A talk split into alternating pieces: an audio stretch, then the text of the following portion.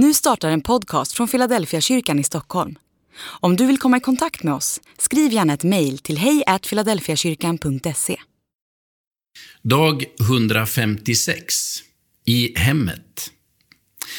Medan de åt tog Jesus ett bröd och efter att ha läst tackbönen bröt han det, gav åt sina lärjungar och sa Tag och ät, detta är min kropp. Och han tog en bägare och efter att ha tackat Gud gav han den åt dem och sa, drick av den alla. Detta är mitt blod, förbundsblodet som blir utgjutet för många till syndernas förlåtelse. Matteus kapitel 26, vers 26-28. När Jesus instiftar nattvarden ger han den en form som är en hel predikan i sig själv. De första kristna firade nattvarden i hemmen. Man tog sig alltså över tröskeln från det offentliga rummet till det privata rummet. Man möttes efter dagens arbete och åt kvällsmat tillsammans. Hur ofta man gjorde detta vet vi inte, men gissningsvis försökte man träffas en gång i veckan.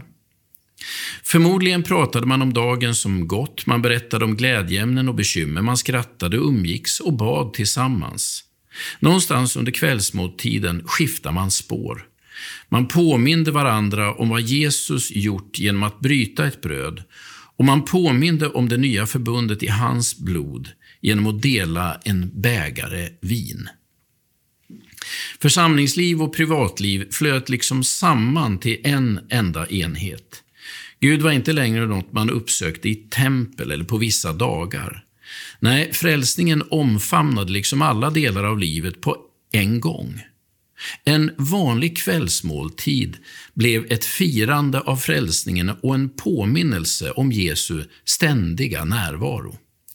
Därför blev också alla dagar i veckan lika heliga och alla sysselsättningar kunde vara som en gudstjänst och varje måltid var en påminnelse om den kommande festen i Guds rike. Men i nattvarden förändrades inte bara rummet vi lever i, utan också rollen vi har. Man gick från att vara bekanta till att bli vänner, från att vara kollegor eller grannar till att bli syskon. Man gick från att vara herre och slav till att vara Guds barn. I antiken fanns en strikt uppdelning av människor i olika klasser beroende på härkomst och inkomst. Vid nattvarden sopades alla sådana gränser bort. Ingen var för mer och ingen var för liten. Alla satt vid samma bord och delade samma bröd och samma bägare. Hela denna handling är en predikan om vad Jesus betyder och vad han gör med oss.